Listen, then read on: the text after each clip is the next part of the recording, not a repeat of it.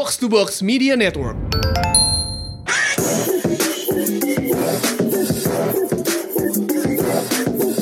What up, what up? You're now listening to the most valuable basketball podcast in Indonesia, hosted by me, Raditya Alif. Uh, this is the international edition, so I'll be talking in English. Cuman sekali ini aja lo dengerin gue ngomong pakai bahasa Indonesia. I'm down at Melbourne, windy Melbourne, where I just saw the U.S. national team getting the wind knocked out of their sails by the Australian national team. An upset victory. Uh, but really, because I'm Indonesian, I couldn't care less about the result. But I am speaking today with someone from America. I got Steven George in the house. What up? How's it going? How's it going? So, how does it feel to finally see the U.S. team lose to another national team, first time in 13 years? How surreal is that for you? Well, this is also my first time seeing them play in general, And they lost. and they lost. Wow. And if I'm not mistaken, that's the first in 13 years. The first victory for the Australian national basketball team over the U.S. in 67 games. The record before this was 0 and 66. They finally got their first win. Uh, this is actually part of two exhibition games played in Melbourne. Uh, U.S. won the first game, 102 to 86, 16 point differential. In the space of less than 48 hours, tables have turned. Australia won 98 94. What was your take on the game? I feel like it's a big step up for Australia. Mm-hmm. They showed that they can play up to the par of the best competition in the world. Mm-hmm. It's also a show of a little disappointment on the side of the U.S. Why so? I feel that they should they shouldn't keep up the streak that's been going on for the past mm-hmm. three Olympics, the past three World Cups where they haven't lost a single game. So no matter who's on that team, they know that they have to.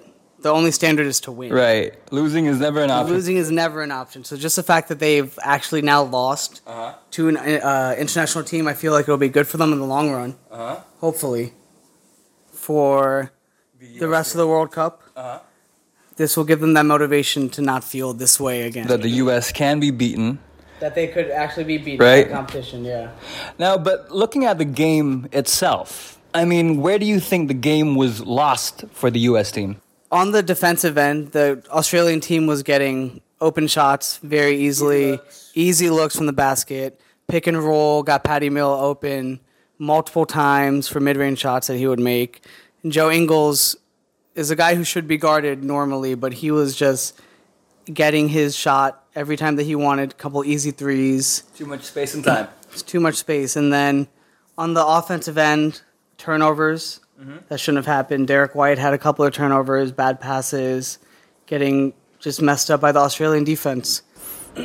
Yeah, and I was actually uh, looking at the game. For me, what stood out was in, in the first half, I didn't recall the uh, Australian team knocking down a lot of threes.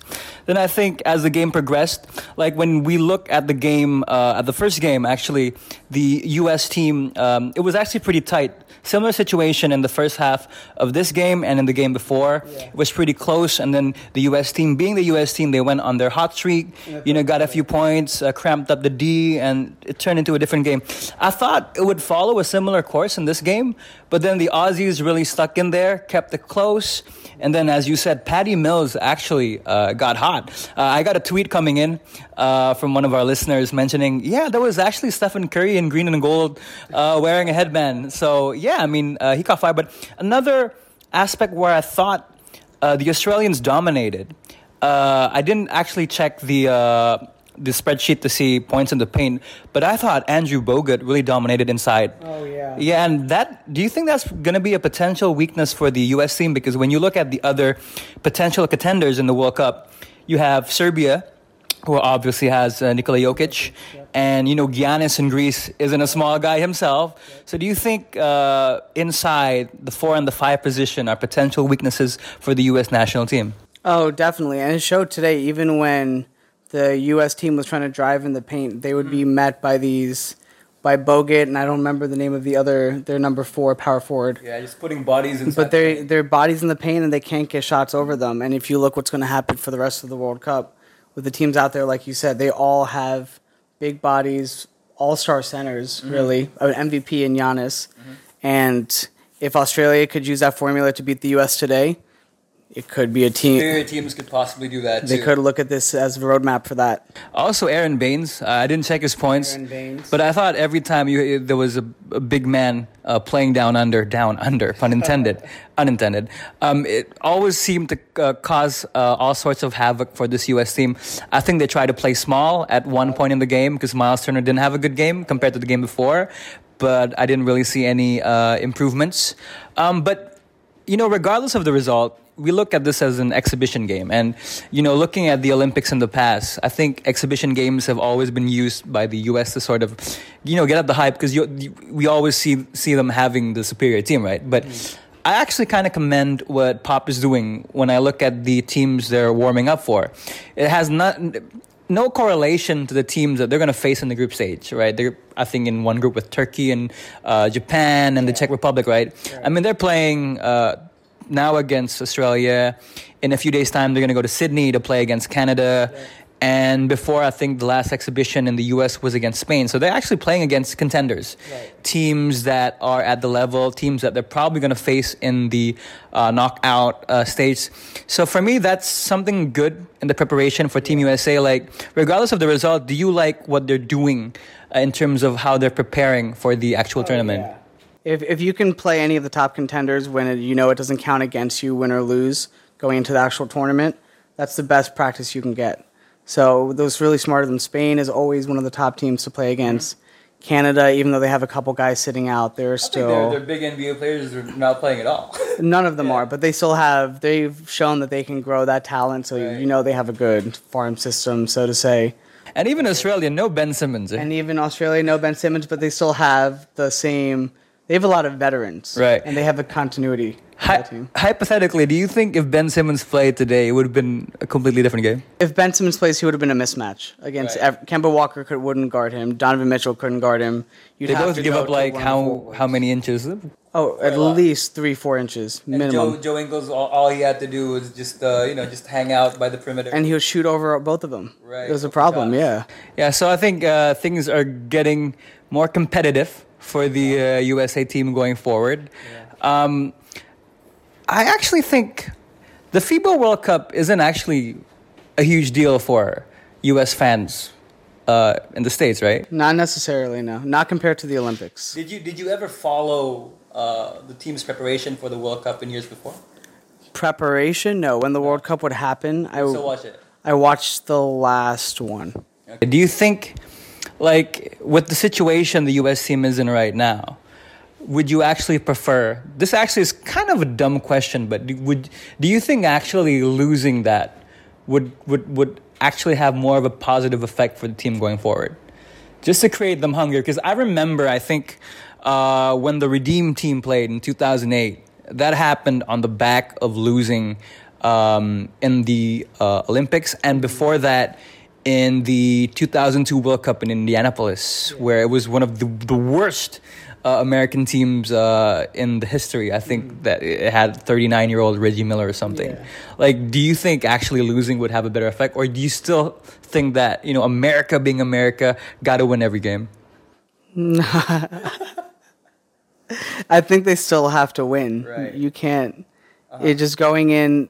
The fans wouldn't look at it the same way if you lost. The- the- the- you're just not respecting it as much. And I know a lot of the players now aren't playing in the World Cup. Mm-hmm. Like how I think we had what maybe ten. The top ten players decided all against it, and I think that's just because of the schedule coinciding with the warm up to the NBA close. regular season. By the time the World Cup ends, I think they have maybe a week or two before preseason NBA starts. So they're playing basketball for a full year. Mm-hmm. So you see a lot of the older players. Like Kemba Walker's only what 26, 27 years old, Around right? So he's one of the older players on this team. You have a lot of the younger guys like Donovan Mitchell and Kuzma, and those guys. So they they think they can play basketball for a whole season. And actually, the sort of elder statesman of the team is actually Harrison Barnes. When you talk about international experience, experience, right? Because he played in the Olympics. Now, I think if I'm not mistaken, there's still 13 names on the team, mm-hmm. and I think the the roster, the the max number is 12. Who do you think, if you're Gregg Popovich, who are you gonna cut? The one player, and you know. Admittedly, it has probably become a little bit easier with the amount of players actually dropping out, right? Because uh, De'Aaron Fox dropped out Although reports uh, said that he did really well in scrimmages Yeah. and in the warm up games. And uh, what's his name? Marvin Bagley III also dropped out. Right. Allegedly, he was, yeah, two kings. And we're talking about Sacramento Kings who probably won't be contenders next season, although they have a young core. So probably that makes the job slightly easier for Pop. But if you had to cut one player from the roster, who would you cut? I think it would be down to either Plumlee and Derrick White. Uh-huh. But then looking at the roster makeup and the amount of guards versus bigs, I think it would probably have to be Derrick White. So you are you are predicting that Gregg Pop will cut one of his own. I'm, I'm hoping he will. Yeah, I'm hoping he makes that decision. Looking at, and he also got injured today, so you know, just let him let him take a rest. Yeah, he actually it was a a, a pretty unfortunate incident. eh? He tripped and uh, himself. It looked like, and Yeah. face on the floor. and he had to be carried out of the game. So hopefully a speedy recovery for Derrick White. If the coach was Coach K, do you think he would have cut uh, Plumlee with the Duke connection? I don't know, but see, the same thing. If you're looking at how the roster is, Mm-hmm. if you look at the guards and who you have, you cut the least, the worst guard. In this Yeah, case, think- would be Derrick White. Although you know, I mean, Derrick White, he's he's a guard. He's probably one of the better two way players actually Right. in that position. When you compare him with uh, Donovan Mitchell and uh, Kemba Walker, was really good offensive wise, but defense not that good. So it's always good to have an extra utility player, and he has length, so he could probably guard more positions. Uh, at the end of the day, even if um, it's uh, an easier decision for Pop compared to if all of these players were still there. It's still going to be a pretty tricky one, especially when you look at the situation like what Team US struggles against uh, in the international scene. So. Uh, a small uh, headache for Pop going forward, uh, but lots of pressure, I guess, for Team USA. Lots of pressure going right now. First loss in 13 years. 13 years. 16 years. 60, uh, since No. I think 2006. 13 years. Yeah, a long time, more than a decade. Um, so it's going to be interesting to see how the U.S. recovers uh, from this and improve.